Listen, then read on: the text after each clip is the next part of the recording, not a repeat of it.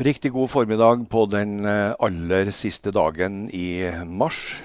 Vi er 19 dager inn i perioden etter at det ble innført tiltak mot eh, koronasmitte fra sentrale myndigheter og lokale tiltak.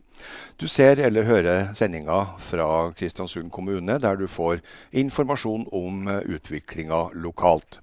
Sendinga går både på tk.no og kommunens hjemmesider, på KSU247, på DAB, FM og på nett. Og du får oss også i reprise på Kristiansund kommunes hjemmesider og på tk.no.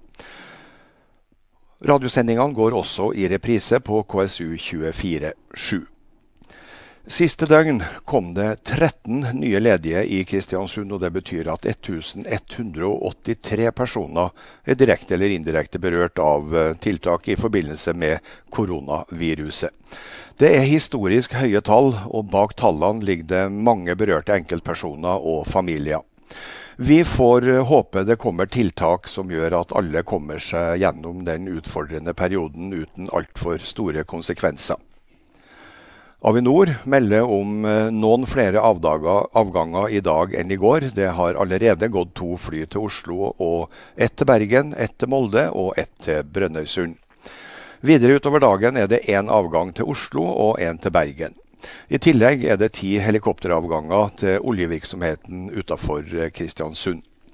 NEAS melder at alt går som normalt. Det er ingen feil verken på fiber, kabel eller radionett. Det er god kapasitet og god flyt i trafikken. Det er heller ikke planlagt vedlikehold som kan føre til trøbbel for kundene. Skulle det dukke opp en feil, er det bare å ringe Nea sin inform feil feilmeldingstelefon på 71 58 10 00. Har du behov for å snakke med noen, så kan du ringe 41 68 81 13 mellom 8.30 eh, og 15. Da får du prate med noen som arbeider med barn, familie og helse. Du kan kontakte oss på e-post korona krøllalfa kommune.no, eller via SMS på 48 14 29 18. I dag tidlig kom nyheten om at den første koronasmitta i Kristiansund er friskmeldt. Vi håper vi skal få tak i kommunelegen Askild Sandvik for å få de siste oppdateringene på det medisinske. Vi skal også til ordførerne i Sunndalen og Surndalen for en oppdatering derfra. Og ansvarlig redaktør og administrerende direktør i Tidens Krav, Ole Knut Alnes, han kommer i studio for å fortelle hvordan mediehuset Tidens Krav opplever alle kalamitetene rundt koronaviruset. Som vanlig starter vi med en eh, generell gjennomgang med vår rådmann Arne Ingebrigtsen. Eh, det var krisestabsmøte i går. Hva ble resultatet der? Nei, I oransje beredskap så dreier det seg om å bare være sikker på at eh, alt lyser grønt eh, fortsatt i forhold til forberedelsene. Vi har snakka litt om eh, forberedelser til neste fase, altså ukontrollert smitte. Og Det kan jeg jo si litt om når jeg kommer inn på bemanningssituasjonen osv. Mm. Uh, vi var jo veldig glad i går, for at vi starta jo dagen med en ny smitta og var oppe i 14. Og til lunsj så var vi nede i 13. Og det er jo veldig gledelig at det viser seg at man blir frisk. Vi skal ha eh, kommunelegen eh, når vi har sendt deg ut av døren her, så vi får sikkert en, en god og grundig gjennomgang av den medisinske tilstanden. Uh, I dag fikk vi nyss om at alle ansatte i løpet av kort tid får informasjon om at det, det kan bli til dels store omkalfatringer i organisasjonen. Kan du si noe mer om det? Ja, vi har jo tatt ned tjenestene eh, betydelig eh, innenfor ikke-samfunnskritiske områder, og omdisponert eh, en god del personell allerede. Nå har vi 130 ca. som er disponibelt til annen bruk i tjenesten. Det må ses i sammenheng med når vi går over i fase to. nå har vi jo drevet med det som heter kontinuitetsplanlegging i fase 1. Det vil jo da si at noen er på hjemmekontor, noen er på jobb for å passe på at færrest mulig blir smitta.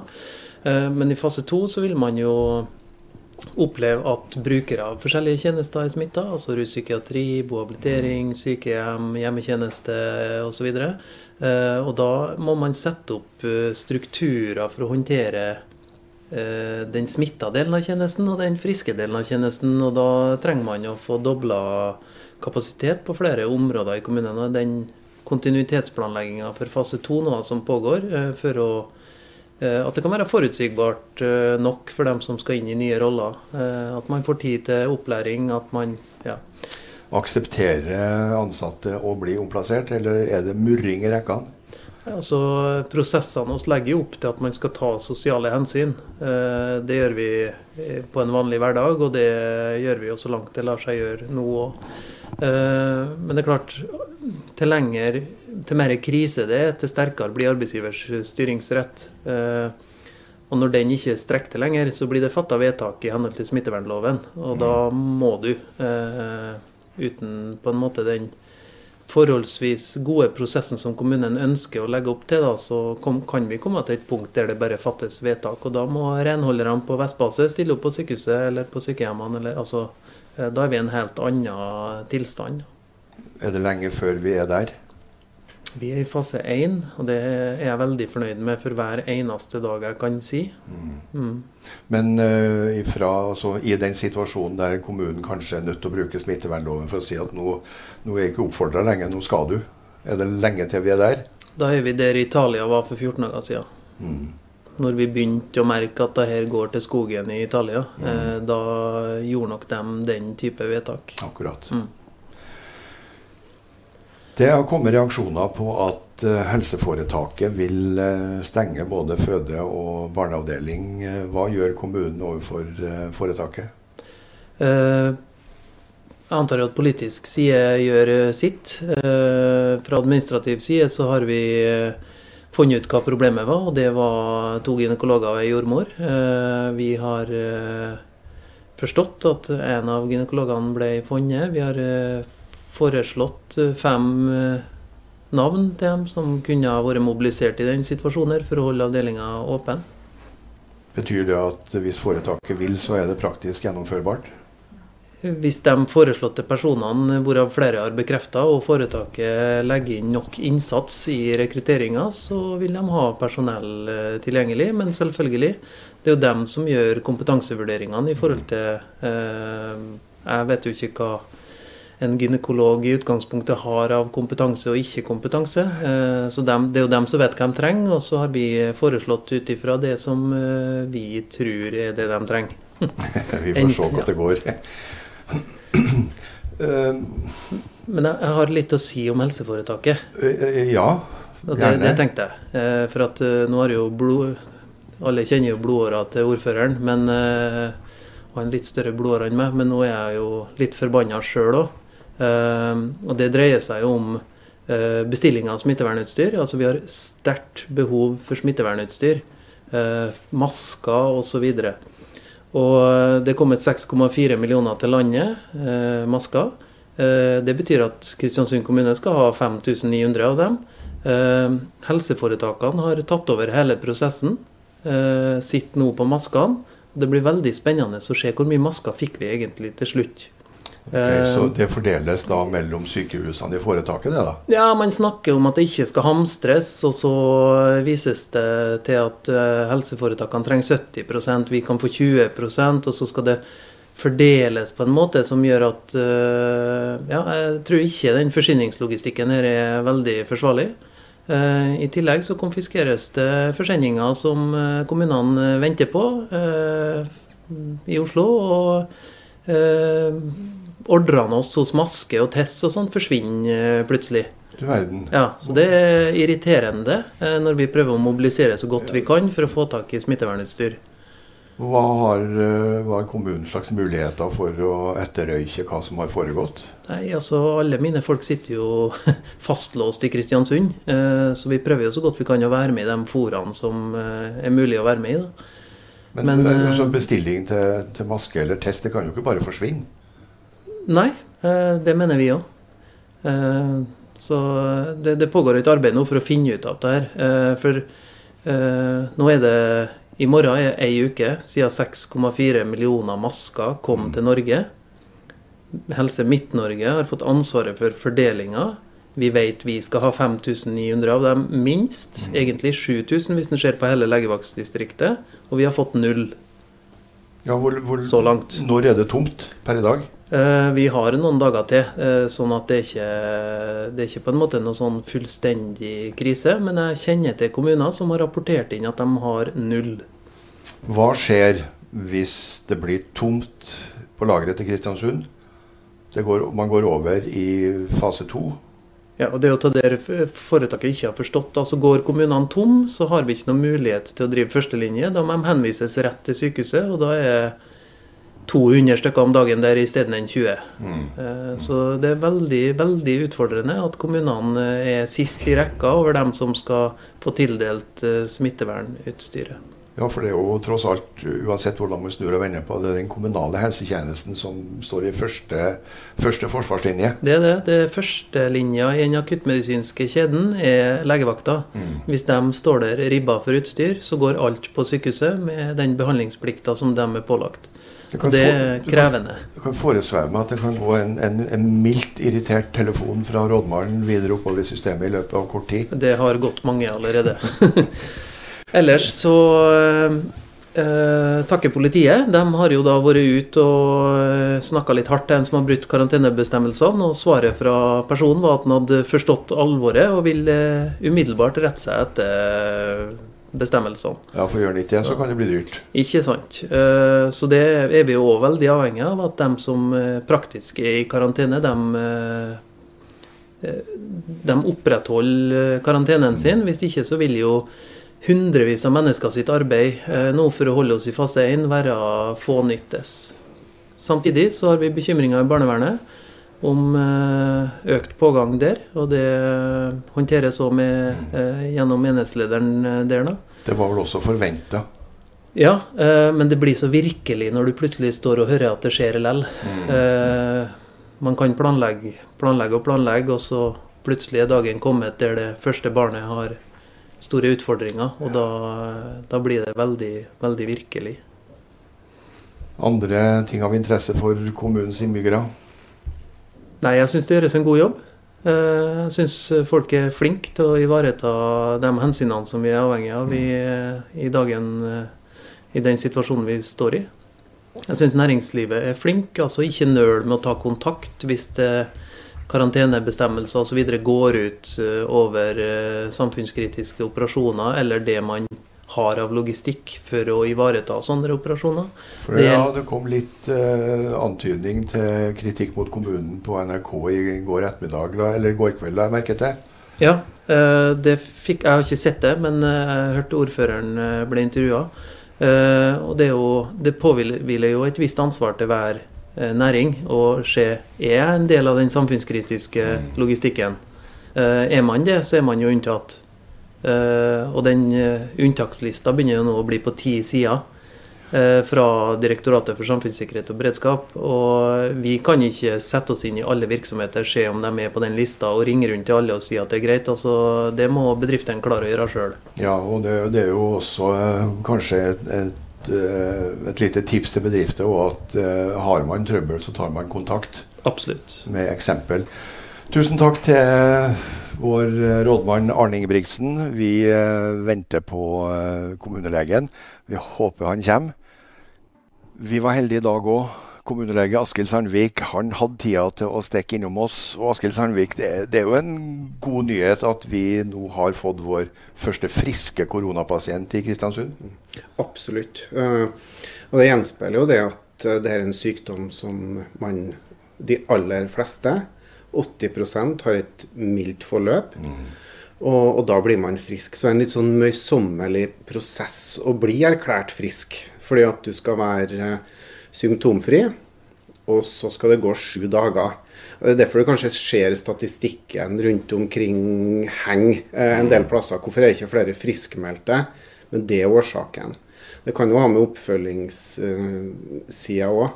Men uh, uansett så har vi i hvert fall fått vår første friskmeldte. Og jeg tror også vi får flere. Vi har, vi har i hvert fall flere uh, planlagt friskmeldte i ja. løpet av uka. Og det, det gjenspeiler jo det at det er en sykdom som har et ganske langt forløp. Det er lang inkubasjonstid. Vi har sett enkelte har ikke blitt uh, altså fått symptomer før altså en tolv dager etter eksponering. Andre får det litt tidligere. Så kan det være et selv om det er milde symptomer på, på, mange, så kan det være et, eh, et langt sykdomsforløp. At man blir draende med det her i flere uker. Men det er i hvert fall viktig at befolkninga vet at de aller aller fleste blir friske. Men så har vi jo eh, tilfeller her som er, som er alvorligere. Slik at vi har hele spekteret. Men brorparten er relativt mild. Vi har fortsatt eh, tre på sykehus. Eh, to har det etter forholdene bra, og den tredje er, som vi får beskjed om, alvorlig, men stabil. Ja, ja. slik at vi har på en måte hele, hele spekteret. Mm. Når, når, eh, vedkommende som nå er friskmeldt, er friskmeldt, så mm. sier du at du skal være frisk, og så skal du være symptomfri i sju dager. Ja, ja.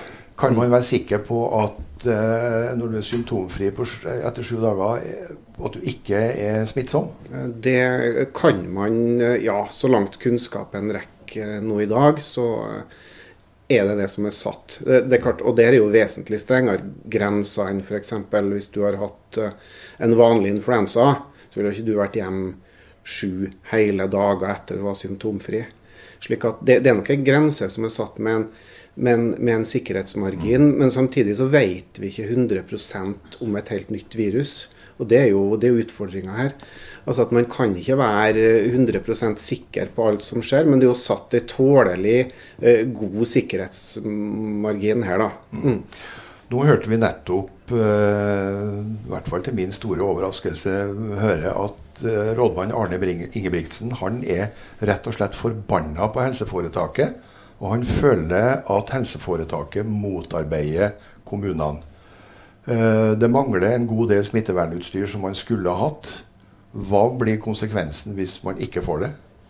Uh, konsekvensen hvis man ikke har smittevernutstyr i kommunene, er jo at vi ikke kan uh, arbeide sikkert. Og klart kan vi ikke arbeide sikkert, så får vi ikke gjort jobben vår. Det som er litt hovedproblemet her, at vi har blitt fortalt at vi skal prøve å skaffe utstyr gjennom egne kanaler. Og nå har vi hatt, eh, har vi hatt en bestilling inn som bl.a. ville sikra oss over lang tid med, med 4000 smittefrakker og 6000 munnbind. Men vi har fått opplysninger om at den er stoppa av sykehusinnkjøp. Har dere fått noen forklaring på hvorfor? Sannsynligvis fordi at man ønsker å fordele via en sentral pott. Men det, det viser seg at det er en god del logistiske utfordringer rundt den sentrale potten. Men eh, det kan se ut som det kommer noe på plass. Så jeg har vært i kontakt med fylkeslegen i dag, og det kan se ut som om vi, vi begynner å få betydelig mangel på munnbind og frakker. Så kan det se ut som vi får en levering nå, da. I morgen. Okay. Uh, men de smittefrakkene som vi fikk da, vi hadde jo bestilt i litt ulike størrelser. Men det så ut som det var bare medium vi skulle få i den leveringa, uh, som, som, som, kom nå i morgen. Og, og, en del av prøvetakerne og legene er jo ganske storvokst. Uh, slik at eh, Det jeg syns er problematikken, er at man blir bedt om å skaffe utstyr. Vi har to ansatte her i kommunen som jobber nærmest døgnet rundt med å skaffe utstyr. Vi legger inn bestillinger, vi får dem på vei, men så stopper det. Og det er det er ikke bra. Da må i tilfelle kommuniseres med oss, og så må vi få en forklaring på det. Mm. Og så må vi sikres tilgang på smittevernutstyr. Det er primært noe ute i kommunene. Det er trykk. Eh, både i forhold til at vi tar mye prøver, men, eh, men også, på luftveislegevakta, som har mye pasienter. I sykehusene lokalt nå så er det svært få innlagte. Ja, Slik at det er vi som forbruker utstyret, og den modellen som er satt opp nå øh, av sykehusinnkjøp og av foretakene, er at det skal fordeles 70% til sykehus og 20% til kommunene og 10% til lager. Slik at, men det blir spennende hva vi eventuelt får av utstyr i morgen, og hvor mye. Og så forfølger vi jo saken når vi har gjort en bestilling og har utstyr på vei, og, regner med å, å skulle ha brukt utstyret. Så, så, vil vi jo vite hva som, hva som skjer med å få en forklaring på det. Ja, det her eh, Kampen er jo, er jo, karakterisert som en krig, og i den krigen her så er det det kommunale helsepersonellet som er infanteristen som ligger i fremste skyttergrav. Ja. Rådmannen sa også, formulerte seg på en måte, han sa når kommunen kommer over i fase to. Og han sa ikke hvis. Er man helt sikker på at man ikke klarer å holde det på nivå én? um, sånn i et, et, teoretisk aspekt, hvis man stenger fullstendig ned et samfunn, så kan man jo uh, stoppe all smitte i det samfunnet. Hvis du ser f.eks. på Frosta kommune, som hadde uh, en periode med ukontrollert smitte. De stengte fullstendig ned. Og, og nå er jo stopp. Men det er klart i øyeblikket man, man uh, åpner for høyt import av, av, smitte, så vil jo selvfølgelig risikoen øke. Slik at vi må forvente at det er et tidsspørsmål før vi går over i, i, i fase to. Og det som er med fase to, er det er ikke antall uh, smitta, det er det at vi kan spore den smitten. Og at vi har full kontroll på den. Og, og at det ikke smittes bredt i, i befolkninga. Og, og, en ting man vil se det på, er f.eks. at det plutselig blir sykehusinnleggelser som man ikke kjenner til uten kjent smitte. ikke sant? Du får forverringer hos, hos pasienter som ikke har vært i, i kontakt med noen som, som er påvist. Mm. Nå så har vi hatt relativt god kontroll på smitteveiene til alle sammen. Og da er vi fortsatt i fase 1. Men jeg er enig med rådmannen. Det er et tidsspørsmål mm. uh, før vi går over i fase 2. Men vi håper å gjøre det så lenge som mulig. Og det er en god grunn til å gjøre det så lenge som mulig. Ja. For det er ikke sånn at vi liksom kan porsjonere det her utover og så, og så, og så oppnå flokkimmunitet. Jeg så nå på at man trodde at det var 9,8% av Italias befolkning som var, som var, var smitta. Og når man ser de utfordringene man har hatt der, så er det ganske langt unna flokkimmunitet. Mm, mm. Det som fungerer, er på en måte de tiltakene som er gjort. Både sentralt fra og lokalt. Og vi har klart, faktisk klart å holde dette ned på et lavt nivå over tid. Og jo lenger, jo bedre. Og takk skal du ha, Askild Sandvik. Og skal dere få til det her, så trenger dere i hvert fall smittevernutstyr. Og det må komme fort. Smittevernutstyr er faktisk helt essensielt for at vi skal kunne gjøre jobben. Tusen takk skal du ha. Eh, vi har gjort avtale nå, så vi håper kommunelegen blir et fast innslag eh, hver eneste dag. Det er godt å få fagfolk til å berolige oss litt og forklare hvordan eh, saker og ting utvikler seg. Helge Hegerberg er rådgiver for olje og energi i eh, Kristiansund kommune. Og i dag har du fulgt med på Stortingets behandling av nye krisetiltak. Hva er hovedpunktene? Studentene eh, blir tilgodesett. Det som var tenkt som lån, blir stipend. Og Det tror jeg er en god nyhet. det Og så er det mer rundt kontantstøtte for eh, ansatte i smitteramma bedrifter. Mm. Der kommer det mye mer. Og så er det mer ting på sikt som går på Det, ligner litt på liksom, det som kan komme i revidert budsjett, og det som kommer til høsten. da.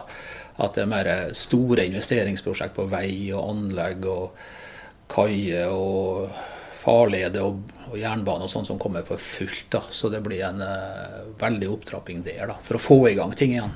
Ser du noe i det som er vedtatt i dag som kan få direkte lokale konsekvenser? Ja, Ikke sånn som liksom peker mot oss, da. Men uh, for uh, det som går på næringslivet, føler jeg nå at man har gjort unna veldig mange ting, så mange bevilgninger og vedtak som er nødvendig. Og så har på en måte politikken fått sin nye rytme. At regjeringa kommer med forslag på torsdag-fredag, og så er det finanskomiteen ved berørte komiteer i helga, og så er det en liten stortingsdebatt, og så er man enig på tirsdag. Så det går veldig fort gjennom eh, ting som tok et halvt år, et år tidligere, tar nå fire-fem dager. da, Så det er jo veldig positivt. Ja, det er, si det, sånn, det er noen på Løvebakken som gjør rett for eh, lønna si nå. Eh, hva med altså, Både kommuner og fylkeskommuner er jo en totalt uoversiktlig økonomisk situasjon, både med tapte skatteinntekter og ekstrautgifter med koronatiltak. Ser du noe som ligger i det vedtaket her som kan eh, bedre situasjonen? Ja, I dag nå så, så kom det jo 3,75 milliarder til eh, kommunene eller offentlig sektor. Og det er egentlig 1,5 derfra tidligere. Også, så, så kommunene og fylkeskommunene og og Fylkesmannen også får en del ekstra støtte. Så de blir tatt hånd om. Det, det er åpne, gode kanaler. Så penger kommer. Mm. Det kan virke som det ikke skal stå på penger? Det står ikke på penger fordi at eh, vi har mye penger, og vi skal være veldig glad for det. Eh, ikke minst har det samfunnet her i Kristiansund bidratt enormt til at vi har penger på bok. Eh, til tider så har mellom 20 og 30 av inntektene fra skatt på, til olje og gass har jo gått over regionen her. Så vi har jo vært med og, og betalt i det her skikkelig, altså. Så, og det må man ikke glemme. Og Samtidig så ser vi at ledighetstallene i dag er oppe i 1183 på, på 16 dager. Ja. Og det kommer til å fortsette. Mm. Eh, for egentlig så virker ikke så mange ting inn på sysselsettinga i små og mellomstore bedrifter og sånne ting. Og det er jo også store system som, er, som eh, plutselig har kommet i problemer. Eh, som du nesten ikke har forventa på forhånd. Så det, det, er krevende en del ting, altså. Er det noe i det som Stortinget behandla i dag du er overraska over? Nei, jeg syns det er bra det de prøver å gjøre nå i forhold til å styrke det private delen av barnevernet. Eh, det er en sak ute på høring eh, ganske kjapt, sånn at vi kan få eh, faktisk høyere kvalitet med, med private. Da, som, I og med at folk må bo hjemme så lenge, og sånn, så har det dukka opp en del ting. Og så er det kommet en del nytt som folk kan følge med på. Det er innreise for EØS-borgere i forhold til våronn og matproduksjon og sånn. EØS-borgere åpnes grensa for nå. Sånn at våronna er sikra, men de skal jo rett i 14 dagers karantene når de kommer inn. da. Og så er det med folk i utenrikstjeneste og, i Forsvaret og sånne ting. De som er på lange kontrakter, seks måneder, eh, drar ikke hjem. Men familier og sånn eh, kan gjøre det. Og Vi ser også at media f.eks. trekker hjem utenrikskorrespondenter. og sånt, og det, det, har jo aldri skjedd i en krise før. Takk skal du ha, Helge Hegerberg. Vi, eh, både du og resten her følger med på det som skal skje. Og like før sending så fikk vi også inn en melding om at eh, norsk toppfotball har bestemt at eliteserieklubber og klubber i førstedivisjon for menn kan trene organisert i små grupper fra i morgen 1.4. Spillerne må fortsatt eh, holde en meters avstand og ikke være flere enn fem i gruppa. Og Da må de altså vente ei god stund før de kan øve på sklitaklinga. Vi skal ta turen til Sunndalen, og Sunndalsordfører Ståle Refsti, du får ha tusen takk for at vi får lov til å plage deg i en travel ordførerhverdag. Hvordan står det til inn på Sunndalen? Vi har litt eh, småtrøbbel med lyden fra Sunndalen eh, i dag. Og mens vi venter på å få tak i Sunndalen, så hopper vi kjapt over til Siv Grøteide. Hei, hei. Der er du, ja. ja, jeg, må, jeg, måtte, jeg, måtte, bla meg nedover kjøreplanen her. Eh, Siv Grøteide, ja. du er trønder, men holdt til på Gjemnes. Og årsaken til at vi ringer til deg nå for å høre litt om eh, hva du driver på med, det er at du og tvillingsøstera di har eh, vært flere turer for arbeid i flyktningleirer i Hellas. Hvordan er situasjonen på en sånne plasser som flyktningleirer nå? Nei, akkurat nå så er det jo klart eh, De tenker jo på det med koronasituasjonen. Og i flyktningleirene til nå så har det ikke vært noen som har blitt smitta. Men eh, det er jo smitta folk i Hellas, og på Lesvos så er det seks som er smitta utafor leiren. da. Så det er jo kanskje bare et tidsspørsmål egentlig før uh, smitta når leirene. Og I leirene der så er det elendige forhold fra før. Så, så vi kan jo bare tenke oss hvordan det blir eh, når koronaen kommer inn i leiren, da. Ja, Man overdriver vel ikke hvis man sier at det må bli en katastrofe av dimensjoner? Ja, det, altså I de verste leirene så er det jo utrolig mye flyktninger som bor da. Det er 20 000 i Moria-leiren f.eks. Det er egentlig plass til 2800 der. Så det sier seg sjøl at det å holde avstand på en meter er helt umulig på en sånn plass. I tillegg så mangler de eh, vann, de mangler såpe. Så det er, ja, det det er veldig kritisk hvis at uh, smitta kommer inn i leirene. Oppskrift på katastrofe. Du har uh, vært med i en organisasjon som heter Dråpen i havet. Kan du fortelle litt mer om den? Ja, Dråpen i havet det er jo en uh, liten norsk organisasjon som ble stifta høsten 2015. Det starta egentlig som ei Facebook-gruppe da Trude Jacobsen, som er generalsekretær, hun skulle reise til Hellas for å se på forholdene. Hun, var da, hun er ei fembarnsmor som skulle bare være å se litt på forholdene, egentlig. Og når hun reiste, så danna ei Facebook-gruppe som hun kalte for 'Dråpen i havet', sånn at familie og venner skulle få lov til å følge med litt på hva hun gjorde. Og Så ble den gruppa veldig stor i løpet av den eh, drøye uka hun var der. Det fikk fort 11 000 følgere. Nå er det en gruppe som har 30 000 følgere da, på, på, Facebook. Og veldig mange har vært med og bidratt som frivillige hjelpearbeidere fra mange land. Så ca. 7000 hjelpearbeidere fra over 60 land har bidratt faktisk for den organisasjonen. Og vi ja. jobber inn i leirene i Hellas med å organisere aktiviteter for unger, ungdommer og voksne. Og vi har, vi har hørt, fokus på Vi har tidligere hørt fra en del av leirene i Hellas at det har vært konflikter med lokalbefolkninga. Har, har, du vært med og opplevd noe sånt? Nei. det er den siste, ja, For en måneds tid siden så var det en del uh, opptøyer og høyreekstreme som uh, gikk til angrep på frivillige hjelpearbeidere. Um, og etter det så har egentlig um, Dråpen i havet trukket ut sine frivillige fra leirene. Uh, mange reiste hjem altså før koronaen. da. Så den siste måneden så har egentlig ikke Dråpen i havet vært så virksom. Men vi har noen som fortsatt er på plass og som gjør en innsats. da. Men det er ganske få i forhold til hva vi bruker å ha. Men jeg har aldri opplevd det sjøl. Du hadde planer om å reise tilbake i juni. Hvordan blir det med de planene nå? Nå må vi det litt annet, tror jeg. For eh, Dråpen i havet er klar til å starte opp eh, arbeidet så fort vi får klarsignal fra greske myndigheter.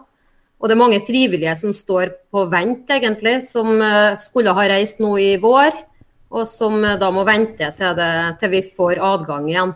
Men vi er i kontakt med greske myndigheter hele tida fra administrasjonen i Oslo. Så så fort vi får lov, så kommer vi til å, å, sende ut folk igjen. Og så får jeg nå se om, om, jeg kan reise i sommer, eller om, om det må utsettes. da.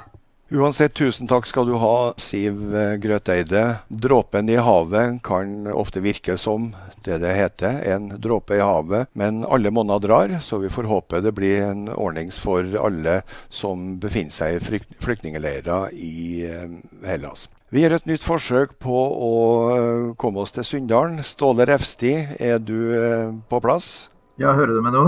Ja, nå hører vi deg, vet du. Jeg får takke for at vi får rive deg ut av en hektisk ordførerhverdag. Hvordan er situasjonen i Sunndalen? Nei, jeg holdt nesten på å si at den er litt bedre nå etter vi hørte Nordmørsminnet. da. Noe, hele første verset foregår jo i Sunndal, så det er et løft hver gang.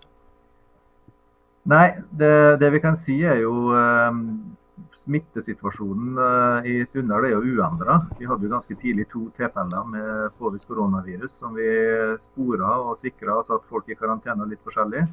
En person er jo fremdeles på intensiven fra Sunndal, og en person i, i karantene. Men, men, siden det så er ingen nye tilfeller påvist. Så vi har fått jobba i nesten på å si med å rigge organisasjonen i kommunen fram mot det som måtte komme. Så, sånn sett er det jo positivt. da. Hvordan er det med næringslivet i eh, Sunndalen? Vi har jo tall i Kristiansund på 1183 permitterte eller ledige eh, som direkte mm. eller indirekte følge av koronatiltak. Hva med Sunndalen? Jeg har ikke det tallet, eh, men når jeg er rundt og snakker med folk, både si, digitalt og på annet vis, så, så hører jeg jo det og ser jo det at det er mange som sliter nå. Mange bedrifter særlig servicebedrifter som permitterer. og så Vi ser nå fram mot eh, de tiltakene som kommer fra regjeringa og håper de vil virke. Og Så ser vi jo litt med bekymring på det som skjer i verdensøkonomien, selvfølgelig, med eventuelle konsekvenser for aluminiumsindustrien. Men ja, vi, vi, jo, vi, la jo merke til i går at det var eh, europeisk bilindustri og bilindustri for øvrig, eller omtrent gått i stå. Uh, og det kan føre til alvorlige problem for uh, aluminiumsindustrien. Hvordan og hvilke konsekvenser kan det få for uh, Sunndalen og verket? Det, positive er jo at de, det de sier at det å stenge elektrolysekapasitet, det er jo det som sitter lengst inne, og som de gjør sist, av naturlige årsaker. For det har jo voldsomme praktiske og tidsmessige konsekvenser for aluminiumsindustrien. Så vi håper jo i det lengste at de skal holde all kapasitet eh, oppe og gå på, når det gjelder produksjon. Og på Sunnasjøret er det jo stort sett den produksjonen som foregår. Men skulle de begynne å stenge, så er det jo ikke mer enn eh, ja, vel ti år siden vi var gjennom akkurat det samme.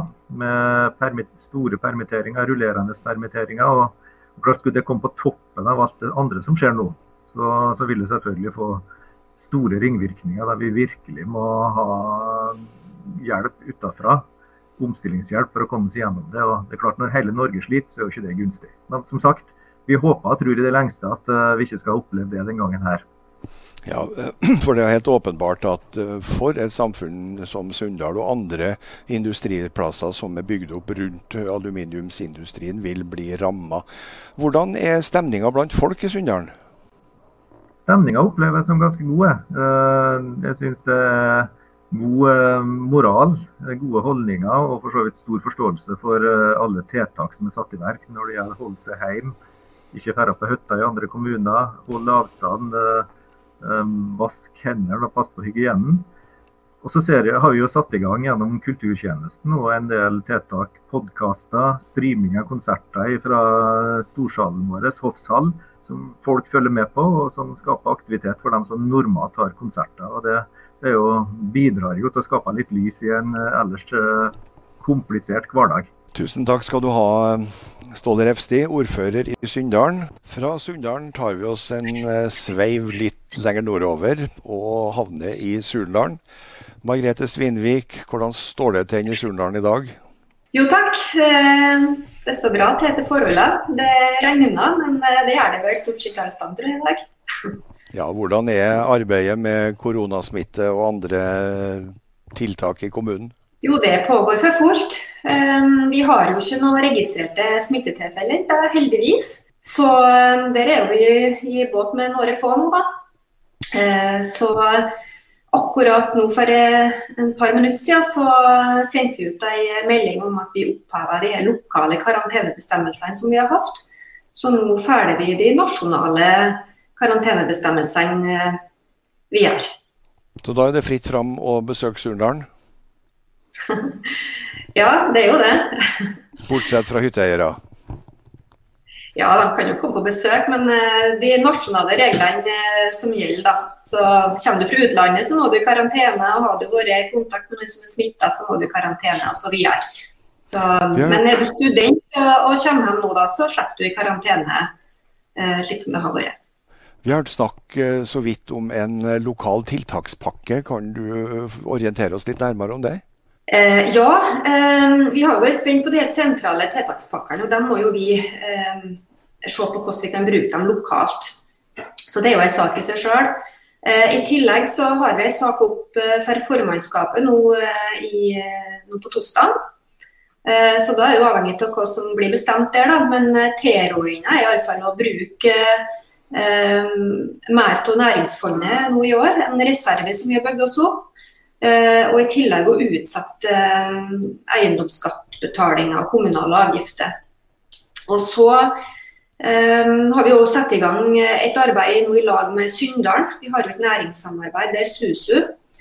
Uh, der at vi i dag, eller går kveld, har sendt ut en undersøkelse til næringslivet der vi ønsker svar på hvordan det står til da, og litt tilbakemeldinger på hva vi kan bidra med som kommune. Det har vi hørt rykter om, og vi har eh, faktisk allerede vært i kontakt med Per Helge Malvik. Så vi skal ta en liten prat med han på fredagen for å høre hvor langt eh, det arbeidet har kommet. Hvordan ja, står det til med permitteringer og smitta i Surndalen i dag? Eh, jo, antall smittetilfeller er fremdeles null, da. Antall registrerte. Vi antar jo der at det er en, eh, noe mørketall, som de sier, for vi tester jo ikke alle sammen. Eh, men permitterte så fikk vi tall nå etter helga, og da er det siden 13.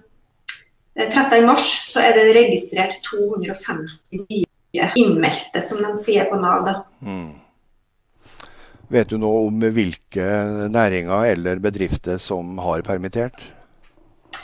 Jeg tror det er, det er litt sånn jevnt over, men det er jo reiselivsbedrifter, sånn som hotellnæring og mm og generelt det med reiseliv, eh, restauranter, eh, frisører, treningssenter og en del eh, butikker, da, handelsnæring, som er permittert. Så det er så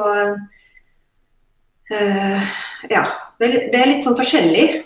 Ellers er de store bedriftene våre de går forholdsvis som normalt ennå, har jeg forstått. Men 250 permitterte i en uh, relativ uh, ja, liten kommune som Surndalen, det er ganske mye? Ja da, det er, det er jo dramatisk. Men vi skjærer oss vel ikke ut noe særlig fra Are kommune akkurat i dag, da. Men uh, det er selvsagt dramatisk. Og vi er jo litt bekymra for at det kanskje, det er kanskje grupper som Eh, som har litt sånn vanskelig for å komme inn på arbeidsmarkedet, og som kanskje blir permittert først. Eh, og Det er jo en bekymring som Nav har òg. At eh, vi som kan ha hjemmekontor og fortsette jobben, så, så går, det, går, det, ganske greit. Men det er de her ja, kanskje lavlønnsyrket og, og slikt som blir permittert først.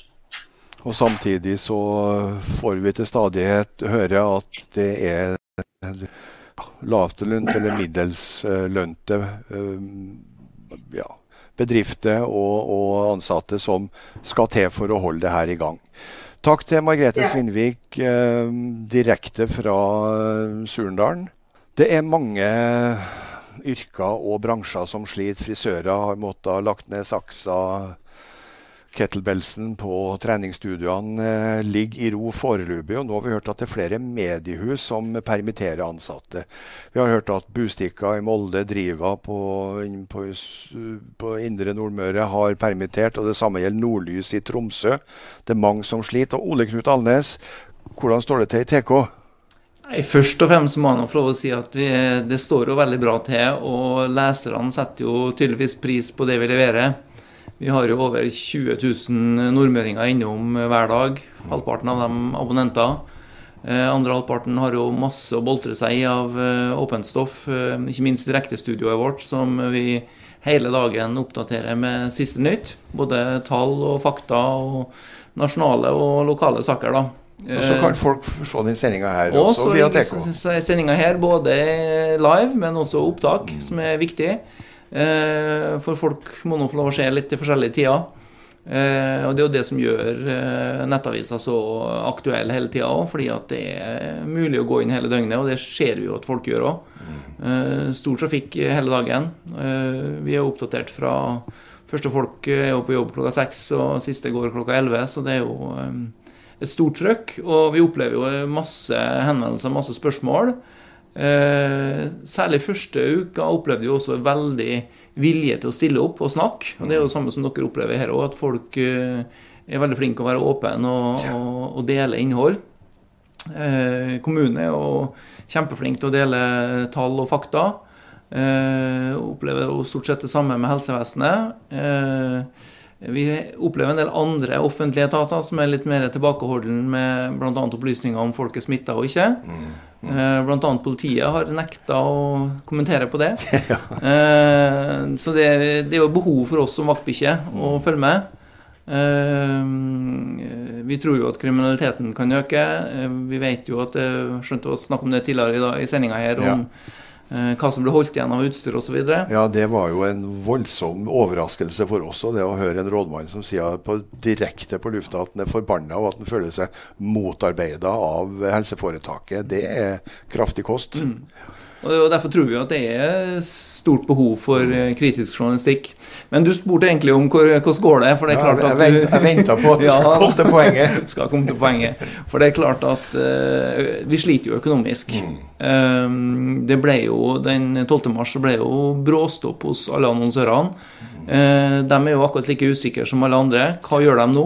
Ja. Eh, og de fleste satt jo alt på vent. Avlyst kampanjer. Eh, sa nei takk til nye annonser. men vi har fått det til å sakte, men sikkert gå litt bedre rundt. Vi har tatt grep for å kunne tilby annonsørene mer visning på nett. Flere spaltemillimeter på papir til samme prisen. Eh, vi vil jo på en måte at næringslivet skal fortelle at de er åpne, eh, dem som er det. Eh, og det føler vi at vi er i ferd med å, å få til. Men det er klart at tapene våre i forhold til budsjett er ganske store allerede.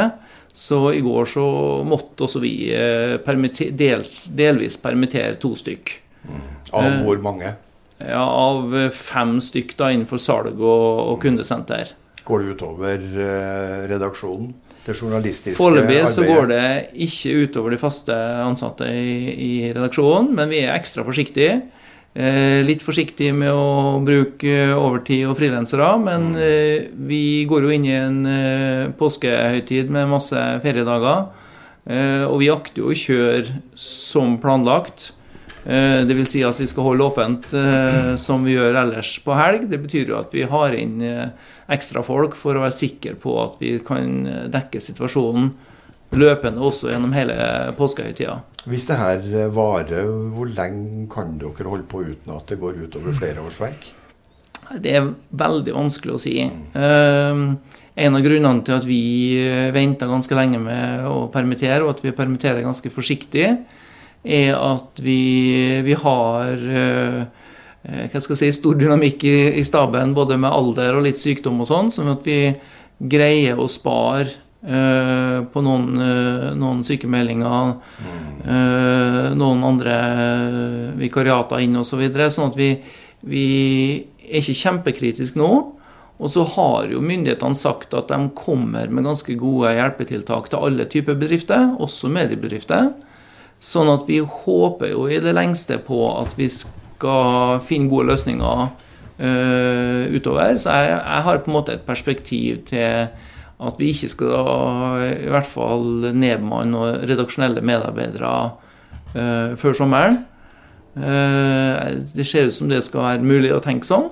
Uh, Utfordringa er jo når vi kommer til sommeren og har planlagt masse sommervikarer, om vi har eh, faktisk råd til det. Men eh, jeg er nå evig optimist, sånn at eh, det er ikke så mye som skal til for å få det til å gå rundt. Nei. For det, det er jo, altså, uansett hvordan man snur og vender på det altså, Er det noe folk trenger, så er det, det er informasjon, informasjon, informasjon hele tida. Så mye som mulig, og så tilrettelagt som mulig. Og da må vi jo si at både en sending som vi holder på med nå, og den, den type journalistikk som drives i Tidens Krav og lignende eh, aviser og, og mediehus, er jo helt avgjørende for at folk skal få med seg hva som foregår.